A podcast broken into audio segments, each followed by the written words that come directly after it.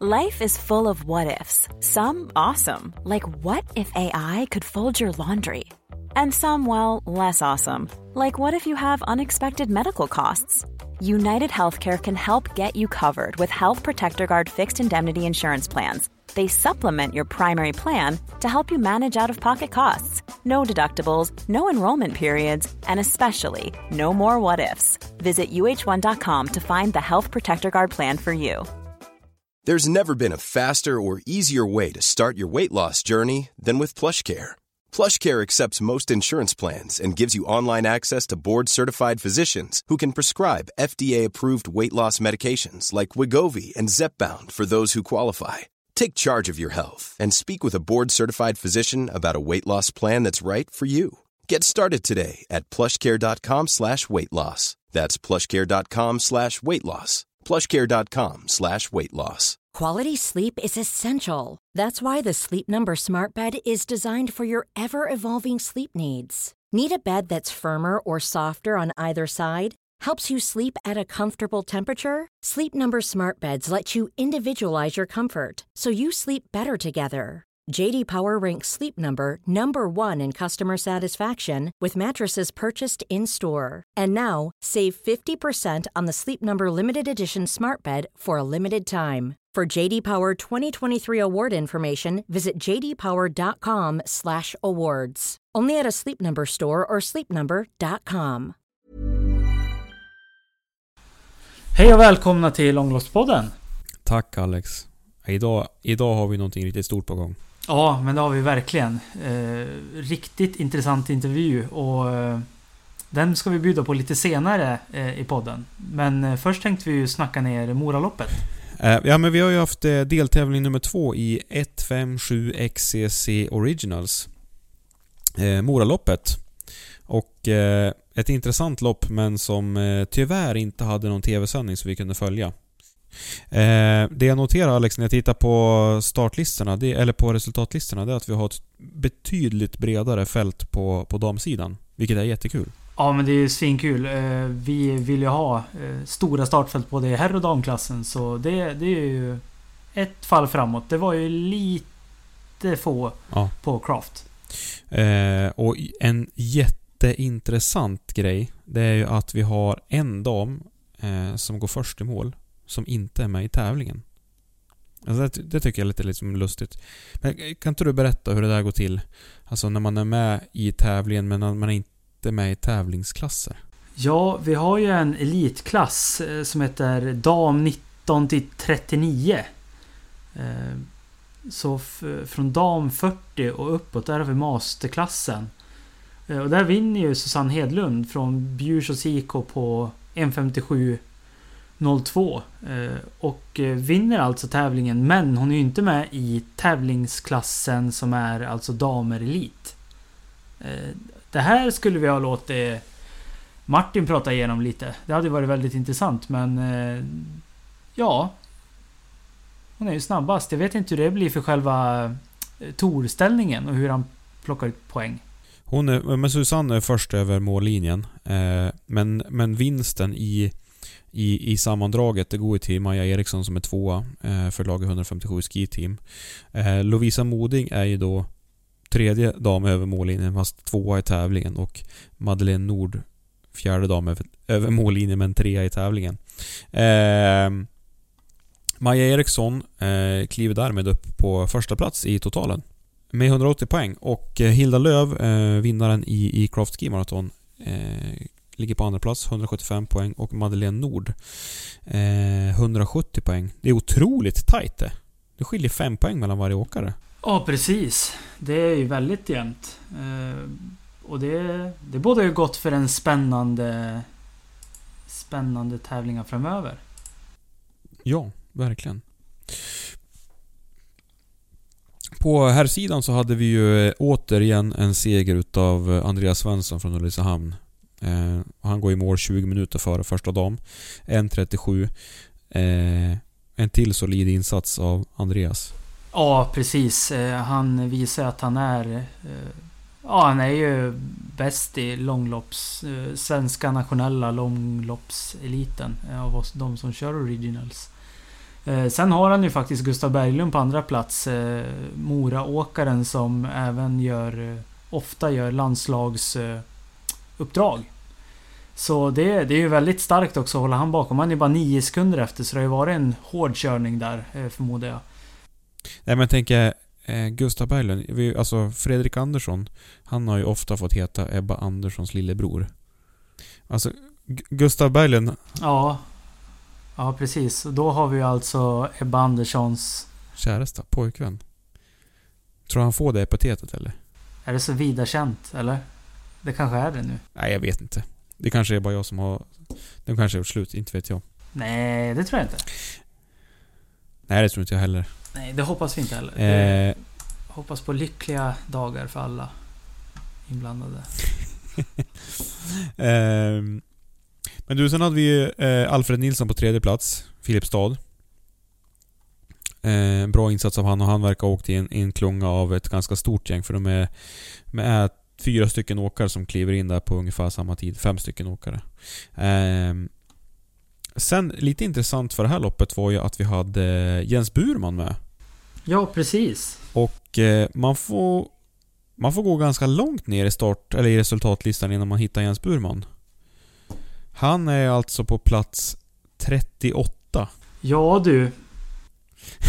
Nej men då tänker man ju direkt att ja, men han har bommat formen helt och hållet. Eh, men jag råkade, jag var inne och kika på, för då har ju fixat Instagram till mig nu. Eh, jag var inne och kika på, på, jag försökte liksom scrolla mig runt och då hittade jag ett klipp på Burman när han jag antar att det är från det loppet, men eh, det är i alla fall utlagt eh, dagen efter och han står ju på näsan rakt in i en snödriva. Han, han åker efter skotern och det ser ut som att han... Det ser ut som att han får liksom ena skidan ner i skidspår efter skotern. Och korsar skidorna och liksom gör en piruett upp i luften och så- alltså, Ja, det ser ganska otäckt ut faktiskt. Och skidorna flyger. Så att jag tror att han fick eh, lite problem efter det där. Jag tror, jag tror faktiskt inte att han är... Ja, vad blev det nu till slut? Eh, dryga sju minuter efter. Utan jag tror nog att han, han åkte på en, en eh, smäll där helt enkelt. Ja, för alltså om Jens är i dålig form så spelar inte det någon roll. Han är inte sju minuter efter. Och i, i herrarnas storställning har vi då såklart eh, Andreas Svensson högst upp. Eh, 200 poäng. Gabriel Thorn tvåa. Eh, 160 poäng. Och eh, Alfred Nilsson 150 poäng. Eh, vi ser även Adrian Lundberg på en fjärde plats med 150 poäng. Men då antar jag att eh, att Alfred Nilsson rankas högre för att han har en tävling med mer poäng ifrån. Eh, Pontus Nordström femma. Ja, det är ganska tight på, på här sidan eh, också. Eh, Andreas Svensson leder ganska övertygande då med, med 200 poäng. Mm.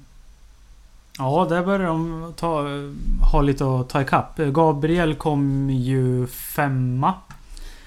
Eh, nu i Mora då. Han var, han var ju tvåa eh, på Grönklitt. Så ja, det är lite mer utökad ledning där för Andreas. Så det kommer bli intressant emot eh, Billingen som är nästa lopp. Eh, ja, så eh, om tre dagar har vi Billingens långlopp i Skövde. Eh, ska bli väldigt intressant att få se det gå där. Om det kommer bli ändringar i totalen eller utökning kanske det till och med är chans för Mm. i herrarnas. Och det vi vet är ju att vi har en del eh, åkare faktiskt i, iväg i Marcialonga. Så att vi får se hur, hur många åkare vi får till start. Eh, jag måste säga direkt att Andreas Svensson kommer till start. Gabriel Thorn, Oskar Persson, Bill Limpola. Tror att han är, tror att han är redo för comeback nu eller? De var ju... Ryktades att både Bill och Bob eh, inte var på plats där. Eh, Hilda Löv. Eh, det som känns lite tråkigt sådär, det är ju att eh, Maja Eriksson ser ju inte ut att vara anmäld. Kan det vara så att hon kommer köra Marcialonga istället tror du?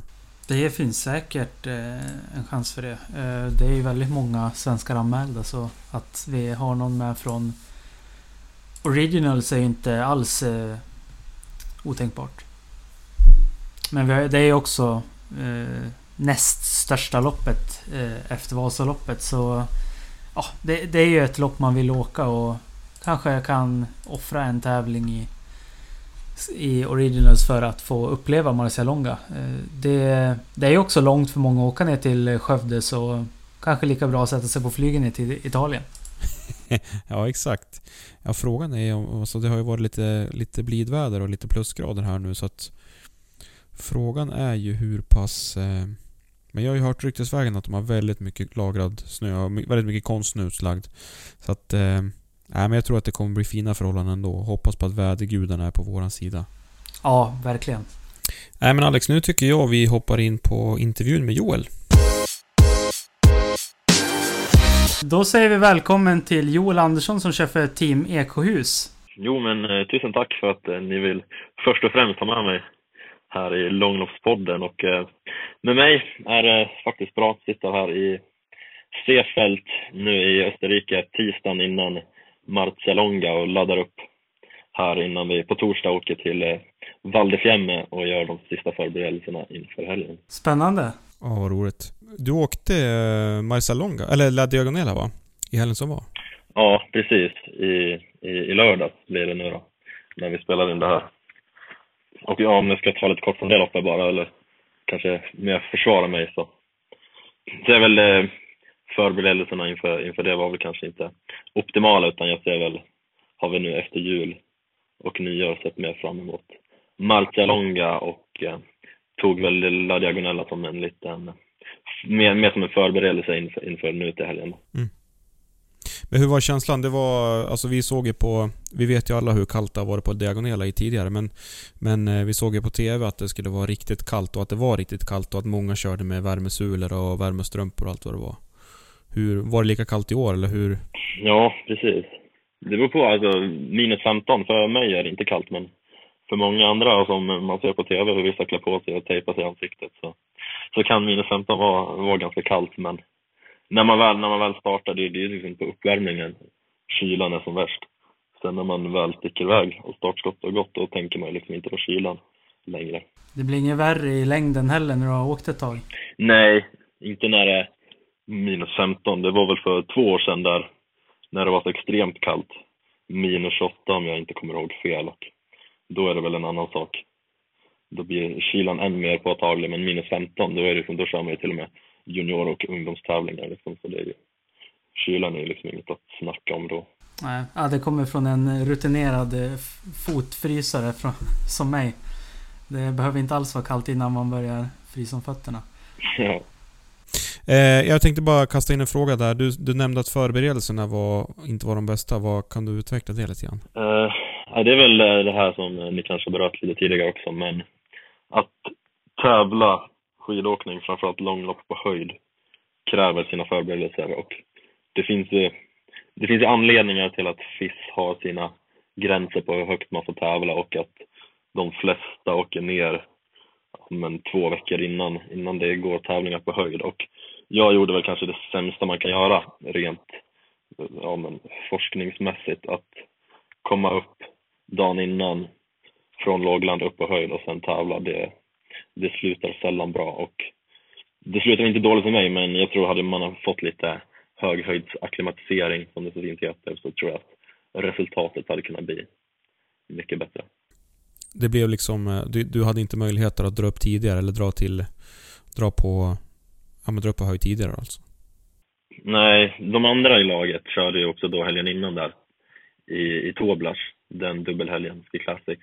Medan jag eh, valde ett litet eget upplägg att eh, köra ett eh, seedinglopp hemma i Östersund. Östersund Ski Marathon där och få liksom skräddarsy mitt program lite inför ja, men Marcelonga, sen kanske framförallt Vasaloppet. Då jag anser kanske att just tävla på höjd helg efter helg blir väldigt tufft och slitsamt och vill man åka mer som jag kanske är bra på enskilda lopp och inte slåss för någon total och sammanställning då, då, då fick jag offra La, La Diagonella lite och tror väl att mina förberedelser inför just Marcialonga och sen senare vinter blir, blir bättre.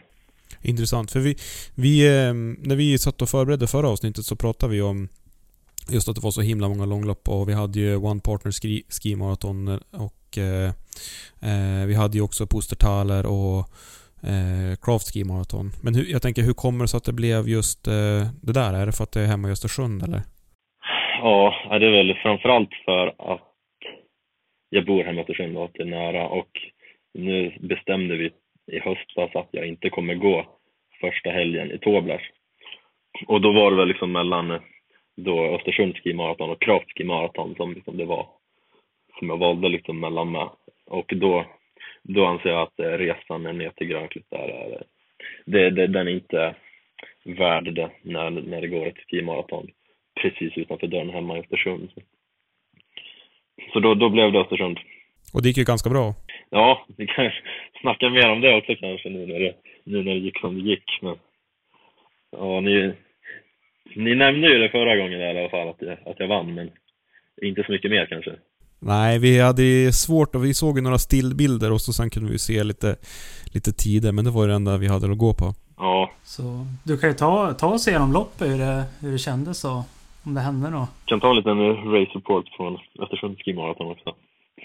Ja, men det var väl precis som, eh, jag antar väl att på Kraft Ski Marathon snöade väl en hel del också. Och det gjorde det även i Östersund. Och loppet blev väl därefter. Jag tror att åktiden har nog aldrig varit så, så lång på ett, på ett skimaraton som det blev just då. Och då var det väl bara att vi åkte och väntade på spurt helt enkelt. Om vi ska ta det lite snabbt. Och då, då blev det väl jag och den kanske på pappret mer spurtstarka Olle Jonsson som kom in på upploppet samtidigt där. Men på något sätt, jag vet inte om han var lite sliten av distansen eller om jag fick krafter från ovan, men på något sätt så var jag väl foten före honom i mål där. Det, det gläder väl mig extra mycket sen när han åker världscupen helgen efter och, och gör det bra dessutom. Ja, det måste kännas bra i magen att ha spurtat ner en sån sprinter då. Jo, men det gör det verkligen. Sen är det väl...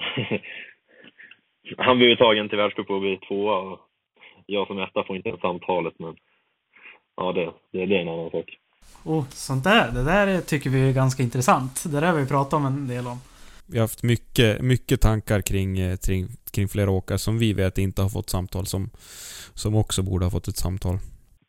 Ja, jag hörde väl lite av era Tour de Ski-avsnitt där, där ni, eller det kanske var inför Tour de Ski, där ni droppade några namn jag hellre hade velat sett där nere. Och det är väl vissa jag håller med om. Det, det, det måste Ja, och framförallt att det verkar ju vara alltså ganska otydliga uttagningskriterier och att man som... Det verkar som att man... Om man är en åkare som liksom, ja, men som dig som kanske knackar på dörren så verkar det vara helt omöjligt att veta vad man ska prestera, vilka lopp man ska satsa på. Eh, hur man ska gå, vilka man ska välja bort och så vidare. Eh, för att få, kunna få en chans. Och det känns ju sjukt otydligt i... Alltså jag tänker, svensk herrskidåkning har ju haft det ganska tungt de senaste åren.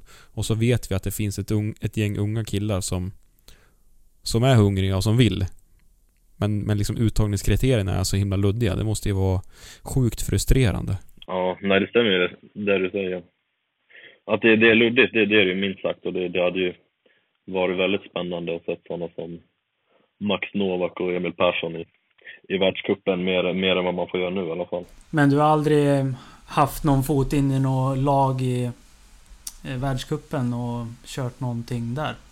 Nej, mitt namn har nog aldrig kommit på tal. Det, det har det verkligen inte och det, det, är väl med all rätt kanske, men nej, men det visste man väl också kanske när man där i tidig ålder valde att satsa på långlopp. Man på ett sätt stänger landslagsdörren och det gör man väl också lite med, med glädje för man vet ju hur mycket eller allt långloppen kan ge en istället. Ja, men det är det vi har pratat mycket om. Att det känns som att långloppen har gett en helt ny dimension till skidåkningen. I, ja, i Sverige då framförallt som vi har koll på. Men att det ger många möjligheten att få köra skidor på hög nivå. Men du, eh, om jag byter lite ämne. Du, du har ju åkt för Mora tidigare. Du är ju från Mora. Eh, men så kom du med i Team Ekohus till den här vintern. Eh, hur har det skilt sig mot tidigare och vara med i team? Ja, Ja, det är väl som du säger, först åkte jag för Mora och gjorde en satsning mot de här originals som det blev förra året. Och insåg väl att just, eh, just det formatet och just en långloppscup under Ski Classics skulle kunna passa, skulle kunna passa mig väldigt bra. Och gjorde ju då en satsning mot det. Och liksom bestämde mig i höst att ja, jag åker alla tävlingar, så får vi se hur långt det bär. Och då, då bar det ju hela vägen och i och med det så fick jag väl också där på vårkanten samtalet av, av Ekohus. Och de ville väl ha med mig i deras verksamhet och jag insåg väl också att det blir liksom ett naturligt nästa steg i min karriär att, att gå liksom från att göra det bra hemma i Sverige till att komma ut på Ski Classics och i och med det, ska man ju komma ut på Ski Classics först och främst så måste man ju, måste man ju bli med, med, med i ett längre slag. Och då var det ju valet självklart att tacka ja till det.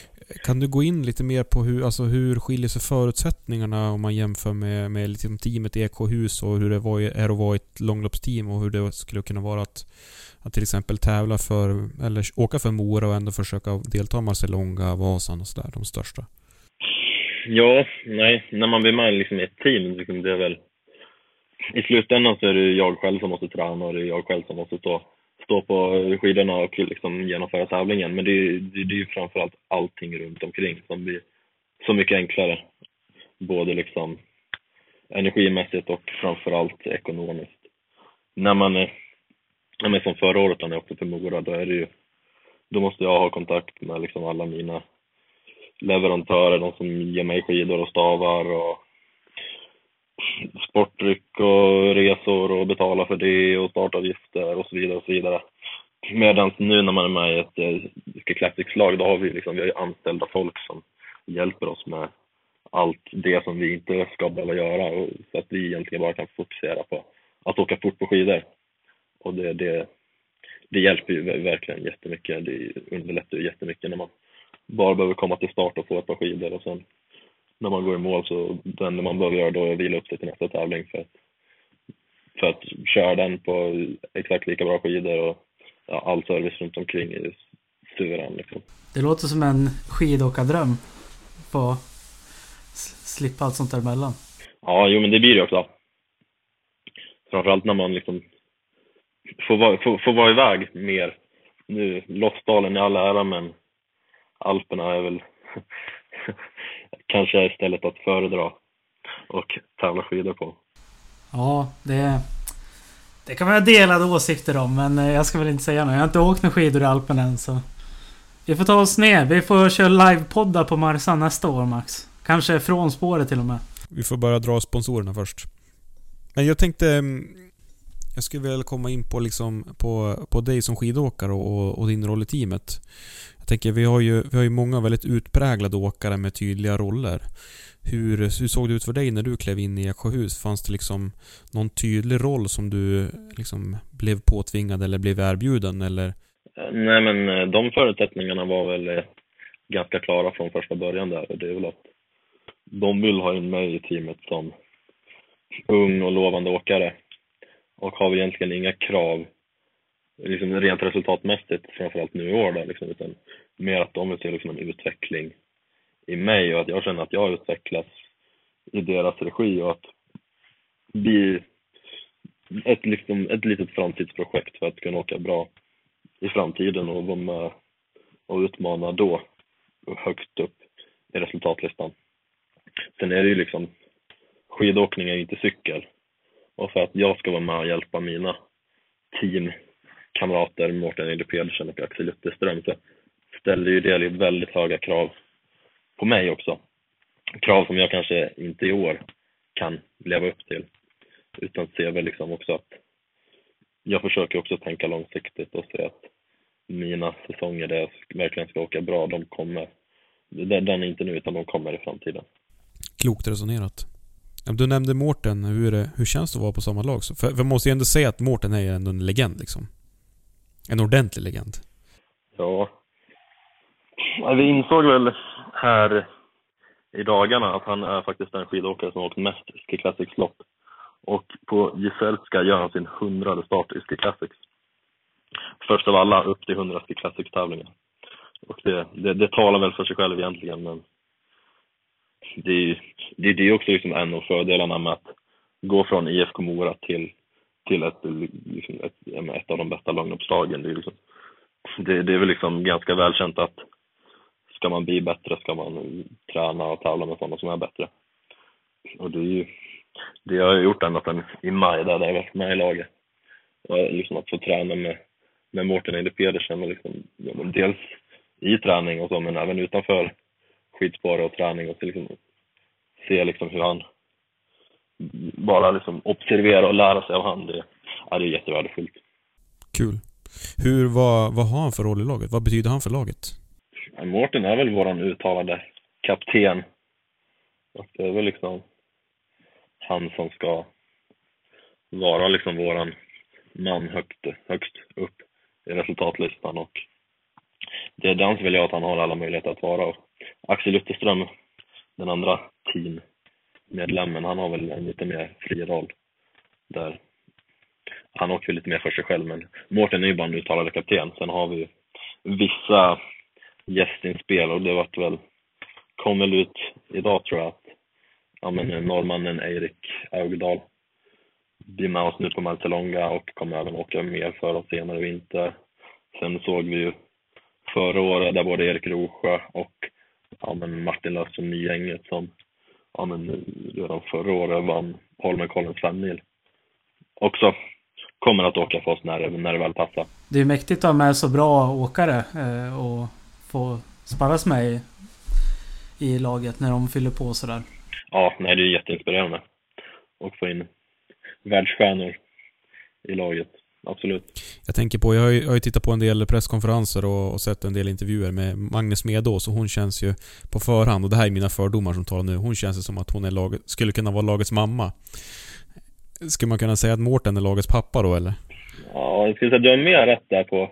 Där har väl alla rätt när du säger att Magne är lagets mamma. Alltså, om Mårten är lagets pappa, det, det, det kan vi väl diskutera. Men att Magne tar mammarollen, det, det, det är i alla fall helt klart. Verkar som en superhärlig tjej.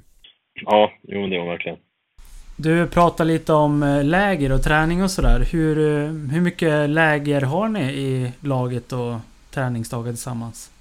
Ja, på ett år så blir det väl då under träningssäsongen från maj fram till höst så är det ju i alla fall en eh, fem, sex veckor borta med varandra totalt.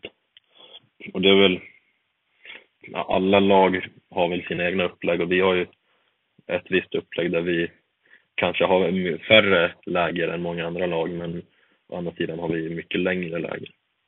För att liksom få lite kontinuitet och ja, men vi anser att det är bättre. Sen är det ju liksom när väl tävlingssäsongen drar igång så är vi då är vi mer borta än vad vi är hemma. Vi, vi får ju lov att spendera mycket tid med varandra.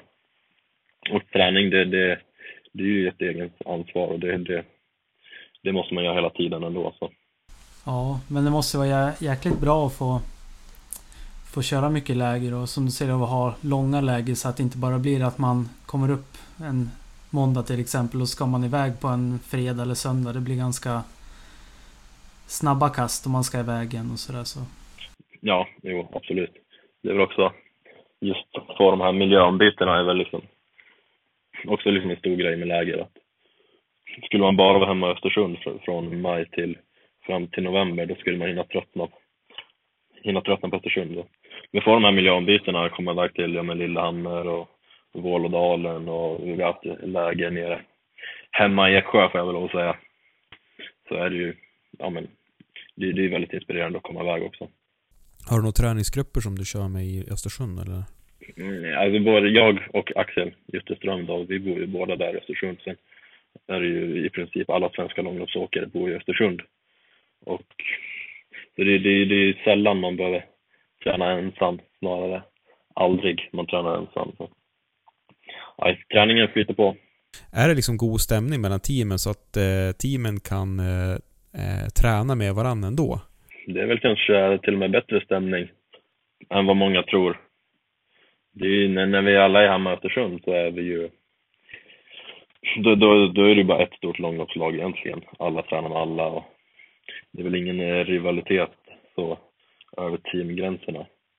Och det är väl det, är väl, det finns väl både för och nackdelar med det, men men nej, nej hemma i Östersund då, då är vi alla långloppsåkare kompisar. Vi, vi sparras varandra och ger och tar. av varandra. Kul. När vi, när vi gick in i det här så hade vi ju liksom devisen att vi skulle lyfta varandra för att vi att längdskidåkning är en så pass liten sport och långlopp är ju en ännu mindre gren. Så att, kul att höra. Alltså jag skulle egentligen vilja backa tillbaka till när du liksom bestämde dig för att ja, men långlopp det kommer vara någonting för mig.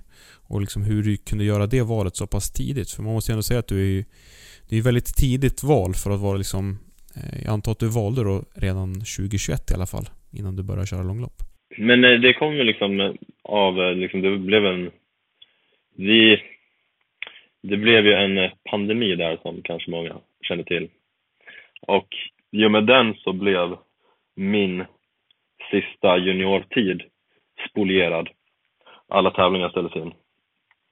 Och då började man ju sätta nya mål och nya drömmar. Och då blev väl Vasaloppet 2021 ett sånt naturligt mål som jag valde liksom att satsa lite mot. Jag gjorde kanske en liten smygsatsning där mot Elitvasan, som det kom att heta. Och valde då eh, sen, ja men efter slutet av min skidgymnasietid och i början av min seniortid. När till och med flyttlasset gick till Östersund. Och i och med att jag är god vän med Axel Lutterström som gjorde det bytet ja, men ett år tidigare än mig ungefär. Och liksom tränat mycket med honom och andra långloppsåkare så kände jag liksom att, att det blev liksom naturligt för mig också att, att åka långlopp och liksom, he, historiskt och profilmässigt. För mig så har liksom kanske de längre distanserna och ja, men, i synnerhet klassisk stil varit det som har liksom passat mig absolut allra bäst. Och det, är liksom, det är väl en grej jag håller på och skämtar om. Jag och mina närmaste kompisar nu att jag lärde mig aldrig åka skate när jag var liten och kan fortfarande inte skata. Så startning. Sen är jag liksom, om jag får säga det själv så är jag väldigt bra på diagonala men det gör vi ju av naturliga orsaker inte så mycket i Classics. Vilket jag kan sakna lite, eller i alla fall försöker åka då eh, klassiska traditionella tävlingar när tillfälle ges. Men, ja, men långloppen kom att passa mig väldigt bra och då Vasaloppet 2021 så liksom målet var att bli topp 100 och jag blev 97 och det gav väl mer smak när man liksom kände att ja, men topp 100 var väl kanske i början ett litet väldigt högt uppsatt mål. Och då när man klarar det så liksom, då vill man ju fortsätta. Och det är väl många som har sagt innan liksom att jag åker skidor för att se liksom hur bra jag kan bli. Och det är liksom på något sätt är det liksom att ja men nu, nu ger jag långlopp en chans och så får vi se hur långt det räcker. Och då ja men i sen vart det ju det här original som jag berättade lite mer om tidigare. Och kom med liksom ja men då när liksom det blev en grej, valde att på det och det gick bra. Sen när man fick samtalet från Eksjöhus så var ju valet där att liksom, ja, nu ska jag bli långloppsåkare och liksom få allt serverat på silverfat, få liksom ekonomin stöttad och eller ska jag liksom fortsätta harva på i röd mössa och moradräkt och liksom slita arslet av mig för att, få, för att ens få det att gå runt liksom. Så blev valet väldigt enkelt till slut. Intressant jag tänker vi har ju pratat många gånger om ekonomin Alex och, och liksom den biten. Men här känns det som att här har vi ju här har vi en ingång till nästa avsnitt som vi har planerat också. Ja, just det här ekonomi och skidåkare, det, det är väl ett avsnitt i sig, kanske. Ja, det har ju varit lite i ropet nu och ja, idrottare överlag, men främst vinteridrottare är ju lite svårt ibland och... Ja, det är väl också bara att inse att när man, när man väl bestämmer sig för att satsa på längdskidor, då är det bara infinna sig att det gör man inte för pengarna. Utan det gör man för glädjen till, till idrotten. Pengar, det får man... De 99 procent av alla skidåkare tjänar inte pengar på sin idrott, utan det får man göra på sidan av eller efter en karriär. Så kan det vara. Men det är skönt om man överlever och som du säger att ha, slippa att bara driva runt för att eh, få in eh, anmälningsavgifter och så. Ja, det är för liksom alla landslagsåkare så, blir det ju en grej och för oss som inte liksom har möjlighet att kunna bli uttagna sådana så alltså, är ju liksom långloppsteamen liksom räddar ju på, på ett sätt våran liksom fortsatta satsning på längdskidor. Det är väl, hade liksom inte Eskil Classics och långlopp funnits överhuvudtaget så ja, då, då hade skidåkningen varit många färre. Ja, Och där vi, vi har ju också material, eller vi håller på att skissa på ett avsnitt för liksom att man följer ju pengarna och eh, det kommer ju kanske på sikt eh, urvattna den, klass, alltså den traditionella skidåkningen. Ska vi ta lite instafrågor nu då Alex? Ja men eh, det kan vi väl göra. Eh, vi fick ju... Det är ju inte jättemånga men eh, Axel har ju varit i farten i alla fall. ja, jag inser att några av mina närmaste vänner har skickat in både bra och dåliga frågor. Får försöka ta dem här på volley och svara så, så gott jag kan. Om jag, om jag ens kan svara. Om det är saker som inte borde komma ut så får vi väl klippa bort det. Eh, Jonas Wikström, är det någon du känner? Ja, han känner jag. Lite grann. Ja. Det beror på. Han har ju så, han är en fråga. Ja, ja precis. Eh, och som sagt, vi, vi får ju klippa om det så. Men eh, hans fråga är hur går det med brudarna? Och så har ju då Axel också frågat eh, om han har flickvän. Ja, det är väl en återkommande fråga och eh, kan svara kort på det att eh, nej, jag har ingen flickvän och eh, det är väl allt jag har att säga om det. Det är svårt att hinna med sånt där när man ska tävla och träna.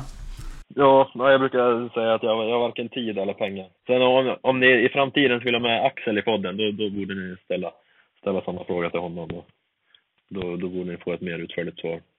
För han har mycket att bjuda på när det kommer till brudar. Det låter jättebra. Det, det ser vi fram emot, det avsnittet. Eh, sen har ju Axel faktiskt frågat vilken din största förebild är. Också. Ja, men det är väl som eh, många andra som har väl haft de här stora skidstjärnorna när man var liten. Men, ja, men just Axel är faktiskt en liten förebild för mig. Det, det liksom, han har liksom gjort många saker som jag har gjort. Flyttat från Mora till Östersund, valt att satsa på långlopp och liksom gjort allt jag har gjort på senare år fast lite innan mig. Och det, det, är liksom, det är väl en person man har sett upp mycket till. Men ska vi ta de roliga svaren istället så är det väl Ja men eh, Jörgen Brinks Vasaloppssegrar 2010, 2011 och 2012. Det är väl minnen. Jag tror jag upplevde alla, alla de tre segrarna på plats nere i målområdet i Mora och det är väl, det är väl upplevelser som har satt eh, djupa spår i, hos mig. Och just då Jörgen Brink är väl en stor förebild för mig och någon jag ser upp till inom skidåkningen. Okej, så det, det har betytt mycket att få vara i närheten av Vasaloppet och ja, de stora skidåkarna där? Ja, men just som, som en Morapojk så betyder väl Vasaloppet lite extra. Jag tror man måste vara från just, vara från just Mora eller någon av Vasaloppskommunerna för att, för att inse vad just Vasaloppet det, det betyder för, för oss kan, jag kan skriva under på det. Nu är inte jag långloppsåkare eh, nu men det, det är en ganska stor del av, eh, av ett, ett liv uppe i de där kommunerna. Nej, det är en sak att vinna Vasaloppet det, det är en sak att göra det som, som, som moring. Och det är väl någonting man drömmer om. Ja, Axel var ju nära förra året som uppstickare och komma trea och det, det måste ju också vara en del i den här inspirationen du pratar om. Ja, jo men det är väl brukar jag säga, när, när, när det går bra för Axel då, det finns väl ingen som jag egentligen glädjer mig mer åt än just honom. Så den tredje platsen, det, den betydde mycket även för mig. Det gjorde den. Ja, det är jättekul att man kan glädjas med glädjas med lagkamrater. Kul. Väldigt ödmjukt sagt. Eh, vi hade en till fråga om eh, Eh, från en annan, en, en annan eh, lyssnare. Han undrar, eh, Pon, Pon Larsson? Pon Larsson? Han måste heta Pontus Larsson kanske? Ja. Eh, hur kommer man på tanken att köra det pass som du gjorde på nyårsdagen? Då är det någon som följer mig på Strava antar jag. Säkert. Och eh, då vill jag väl först och främst uppmana alla som lyssnar på det här att gå in och följa mig på Strava. Och gör man det så kan, jag se, eller så kan man se att den första januari så körde jag ett långpass på på Vasaloppsspåret. Det var, hade varit varmt innan och frysit på under natten så det blev väldigt lätt fört så jag brände av 10 mil där mellan Hemus och Krångåsen. Det blev några gånger fram och tillbaka där. Men... Hur, lång tog, hur lång tid tog det när det var snabbfört? Eh, jag höll 3.20 fart. Så det tog inte, det tog, det tog mindre än 6 timmar i alla fall. Så egentligen så är väl det liksom ett helt vanligt långpass för oss. För oss långloppsåkare att vara ute liksom, ja men fem, strax över fem timmar. Men det var väl just distansen där och det lätta föret som gjorde att det blev tio mil. Ja, grymt starkt att göra på nyårsdagen. Det är inte många som hade hängt på dig den dagen av de vanliga döda, dödliga människorna. Nej, jag var hemma med, med mamma och pappa och kände väl att jag har liksom inte... Det kommer inte bli något stort firande där hemma, så då gick jag faktiskt och la mig innan tolv och tänkte att då, slår vi på stort imorgon istället. Så blev det. Så tänker jag vinnare. Eh, jag tänker, vi, vi, ehm, vi behöver släppa dig till, till kvällsfika och, och allt vad det nu är alldeles strax. Men, men jag skulle bara vilja att vi, vi går igenom eh, lite grann uppladdning inför Marcialonga. Först och främst så tänkte jag, är det din första gång du kör Marsa nu? Ja. Det blir min, min första nu på, på söndag. Spännande. Alltså Marcialonga, det känns ju... Det är ju på något sätt liksom Vasaloppet i all ära, men Marcialonga känns ju som att nu tar vi idrotten ut i Europa och eh, jag kikar faktiskt lite grann på startlistorna här eh, alldeles nyss och man ser att Italien har ju främst åkare, eller flest åkare ska vi säga. Och är typ 1900 stycken, men Sverige har ju 1500 åkare anmälda. Det, är alltså, det betyder ju mycket för alla svenskar det här loppet också. Vi har faktiskt mer än, än, än norrmännen den här gången så att... Ja. Ja, det har väl... Det är väl som det efter Vasaloppet, då är det väl Marcelonga och jag vet liksom att ja, men det, det är ju många liksom som har Marcelonga som huvudmål för säsongen. Och ja, men för mig så blir det, jag, jag kör mitt första nu på söndag går väl in med, med låga axlar och för mig personligen så, så betyder det kanske inte Marcelonga lika mycket som det är för många andra utan jag ser ju min stora chans att prestera det, det är ju mellan Sälen och Mogoda i början på, i början på mars där då. Men självklart så vill, vill väl jag alltid göra ett bra lopp och kommer väl stå där på start och göra mitt bästa, det, det kan jag lova. Jag kan lova att vi och många andra som lyssnar kommer följa, följa en kille extra noggrant eh, på söndag. Ja, följ med och sen framförallt Tim Ekohus. Jag tror, om jag får, får skjuta lite från höften här så säger jag att vi kommer ha många Ja, kanske till och med gubbar uppe på pallen. Till alla som kör fantasy och så, då, då rekommenderar jag att lyfta in Mårten Eide Pedersen i laget. Bra tips. Stalltips. Ja, nu, vi, vi, Max har ju ett litet team här i Lofsdalen som kör lite fantasy. Så ni får... Eh, det går inte så bra för mig. Får sätta er ner och prata igenom det där. det är bra att få lite inside-tips nu då, vad du ska lägga in. Ja, men precis. Alltså, mm, vi har ju... Eh, Vauti Tobbe, han ringde ju Mårten Eide och fick lite stalltips av han. Så jag tänker då passar det väl bra att jag får fråga dig liksom, lite tips. Ja, ja det, det är bara att skjuta på med frågor nu om ni vill ha inside liksom. Det. Jag svarar på allt. Men vem tror du blir bästa dam? Ja, nu har Ida varit sjuk. Så. Och Astrid kör inte. Då är det väl... Ja, vilka är det då? Då är det Emilie Fleten och eh, ja, men Ida Dahl, om hon kommer tillbaka, det, det vet inte jag säkert än. Men Magnus Medås kommer ju garanterat vara på pallen i alla fall. Men, ja, men jag säger nog, om Ida Dahl startar så blir, mm. då blir hon bästa dagen. Spännande. Jag går och väntar på Emilie Fletens första vinst, men eh, ja, kanske kastar in en... Mm, det var ju ack så nära. Hon hade väl chansen där nu i La Diagonella när Ida var borta, men Astrid snöp henne mm. på den vinsten. Mm. Du, jag bara tänker på det. Såg du den här ö, ö, överlämningen från när Kardin skulle lämna över till Stadås, men, men eller när Nygård skulle lämna över till Stadås, men Kardin inte lyckas bromsa? Eller hur, hur så, såg du den, den grejen och hur upplevde du det? Jag var inte med i tätklungan där, men jag har ju pratat med de som var med i tätklungan och ja, jag har sett sändningen och jag har pratat med, med mina lagmedlemmar som var i klungan där. Och Anders Blomqvist säger väl där i sändningen att Nygård vänder sig om och är jättearg på Oskar Kardin som inte släpper iväg honom och Nygård har väl varit ganska tydlig, tydlig där efterhand att det, det, han gjorde ju en uppkörning inför sina andra teammedlemmar och vände sig inte alls om och var arg på Oskar Kardin. Han eh, gjorde ett klassiskt uppdrag till sina lagmedlemmar och satte dem i, liksom i positioner så att de skulle ha möjlighet att vinna loppet. Men det, det var en viss annan person som vann även denna gången. Så. Ja, har du någon kommentar till Emil Persson? Nej, vad ska man säga? Det är imponerande, men varje seger han tar är en tävling närmare att han blir slagen. Så. Ska vi inte... Jag tycker inte illa om Emil Persson, men jag, jag ser väl hellre att någon i Team Ekohus vinner på söndag. Jag är enig med dig. Alltså det, det är framförallt väldigt kul att vi har en svensk så pass högt upp och att det går väldigt bra för Emil Persson. Men jag tycker också att vi, det får inte bli en, en Johaug situation Alex. Nej, nej. Det, det har vi ju pratat om att vi, vi vill ju att sporten ska gå bra och att vi får en gigant som inte släpper upp någon annan högst upp. Det blir ju en liten... Ja, det är ingen bra situation.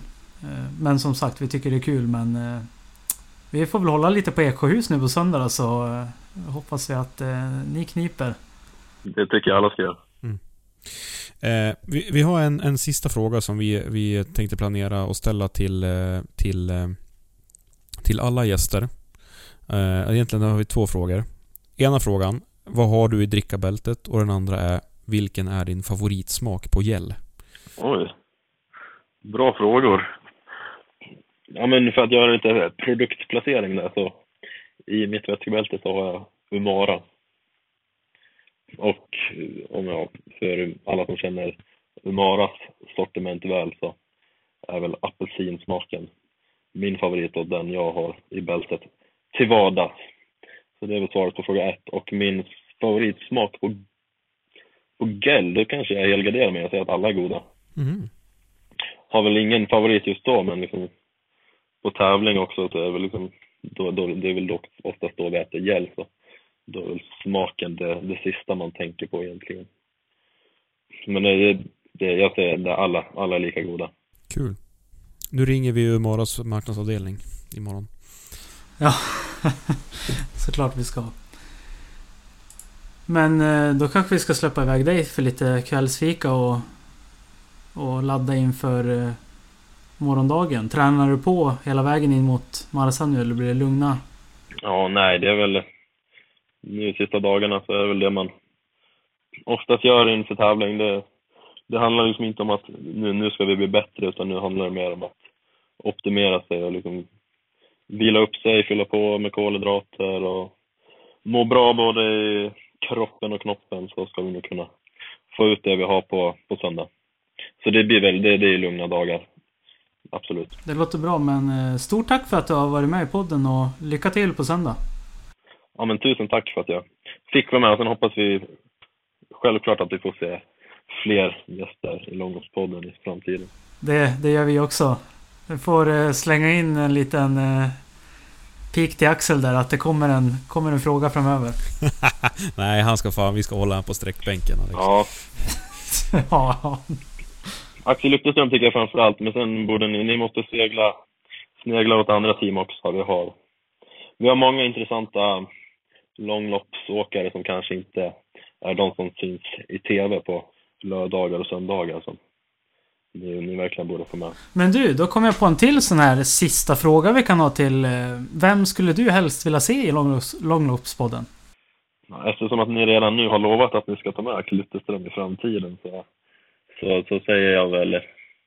Ja, men vi har ju ett spännande långloppslag där Smålandskompisar med oss, SkiTim Gullins, och då har vi väl en eh, teamchef där som heter Simon Jonsson och sen en mycket intressant åkare i form av Filip Rosjö med, med mycket åsikter, både, både bra och dåliga. Så honom tycker jag framförallt att ni ska ta en pratstund med.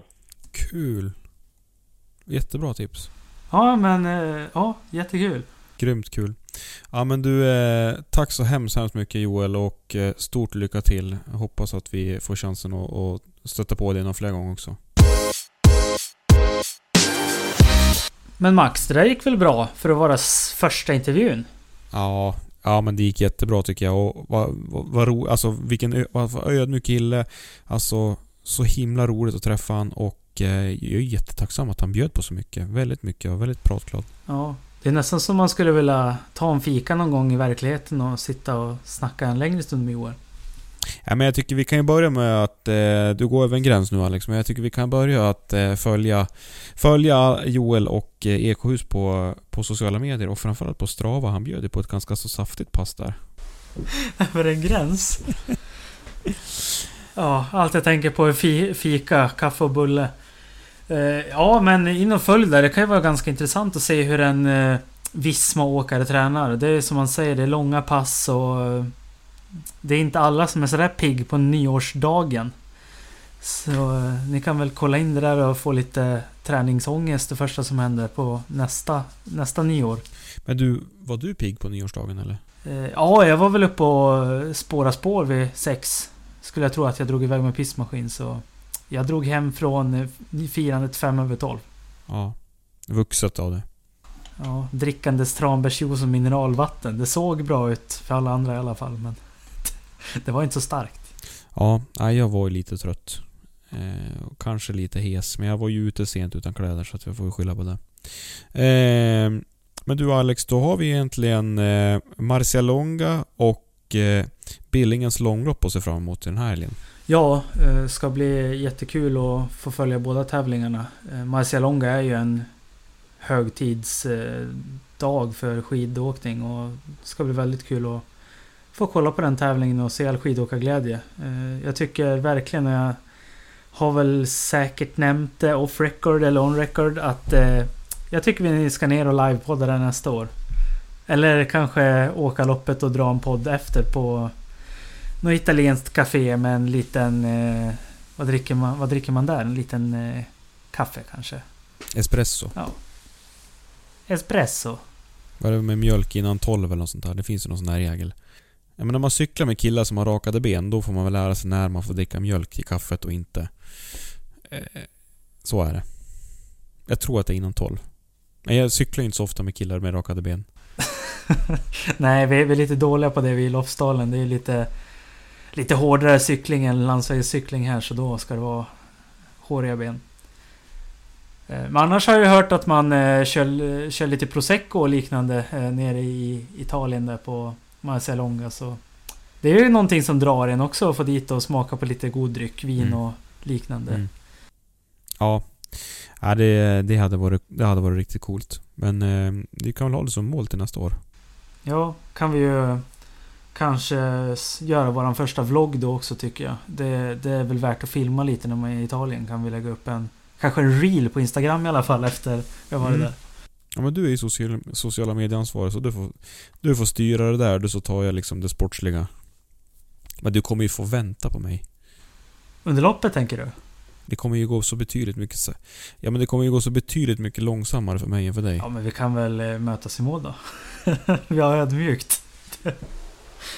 Ja, nej men det är rimligt. Och jag... eh, Ja men jag kan ju inte gå med fäste så att jag kommer ju liksom få saxa så mycket och driva puls och då måste jag vila och hämta andan och sådär. Men det känns ju som att ska man åka Marcialonga vill man ju känna på den där backen på slutet. Stakandes alltså. Det, Ja, det hör väl till när man har sett det på TV. ja precis. Det finns ju en 40 kilometers variant också. På Marcialonga, en kortare. Undrar om man... Eh, då måste man ju... Alltså du måste ju ha med backen annars känns det ju som att man blir snuvad på konfekten. Ja, ja det, där, det där får vi kolla upp. Men du eh, eh Alex, nu tycker jag det är dags att, att avrunda och eh, blicka fram emot en hyfsat långloppsintensiv helg.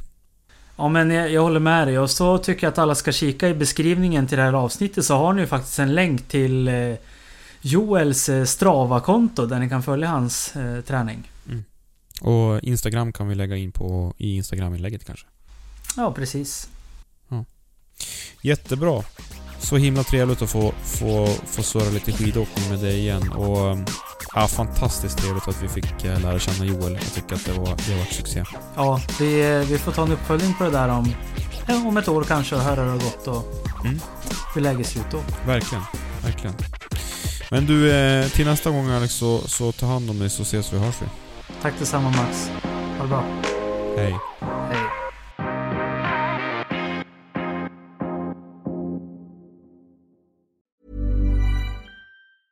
Planning for your next trip? Elevate your travel style with Quince. Quince has all the jet setting essentials you'll want for your next getaway, like European linen, premium luggage options, buttery soft Italian leather bags, and so much more. And is all priced at 50 to 80% less than similar brands. Plus, Quince only works with factories that use safe and ethical manufacturing practices. Pack your bags with high-quality essentials you'll be wearing for vacations to come with Quince. Go to quince.com slash pack for free shipping and 365-day returns. Hold up. What was that? Boring. No flavor. That was as bad as those leftovers you ate all week. Kiki Palmer here, and it's time to say hello to something fresh and guilt-free. Hello Fresh. Jazz up dinner with pecan-crusted chicken or garlic butter shrimp scampi. Now that's music to my mouth. Hello Fresh. Let's get this dinner party started. Discover all the delicious possibilities at hellofresh.com. Mom deserves the best, and there's no better place to shop for Mother's Day than Whole Foods Market. They're your destination for unbeatable savings, from premium gifts to show-stopping flowers and irresistible desserts. Start by saving 33% with Prime on all body care and candles. Then get a 15-stem bunch of tulips for just $9.99 each with Prime. Round out Mom's menu with festive rosé, irresistible berry chantilly cake, and more special treats. Come celebrate Mother's Day at Whole Foods Market.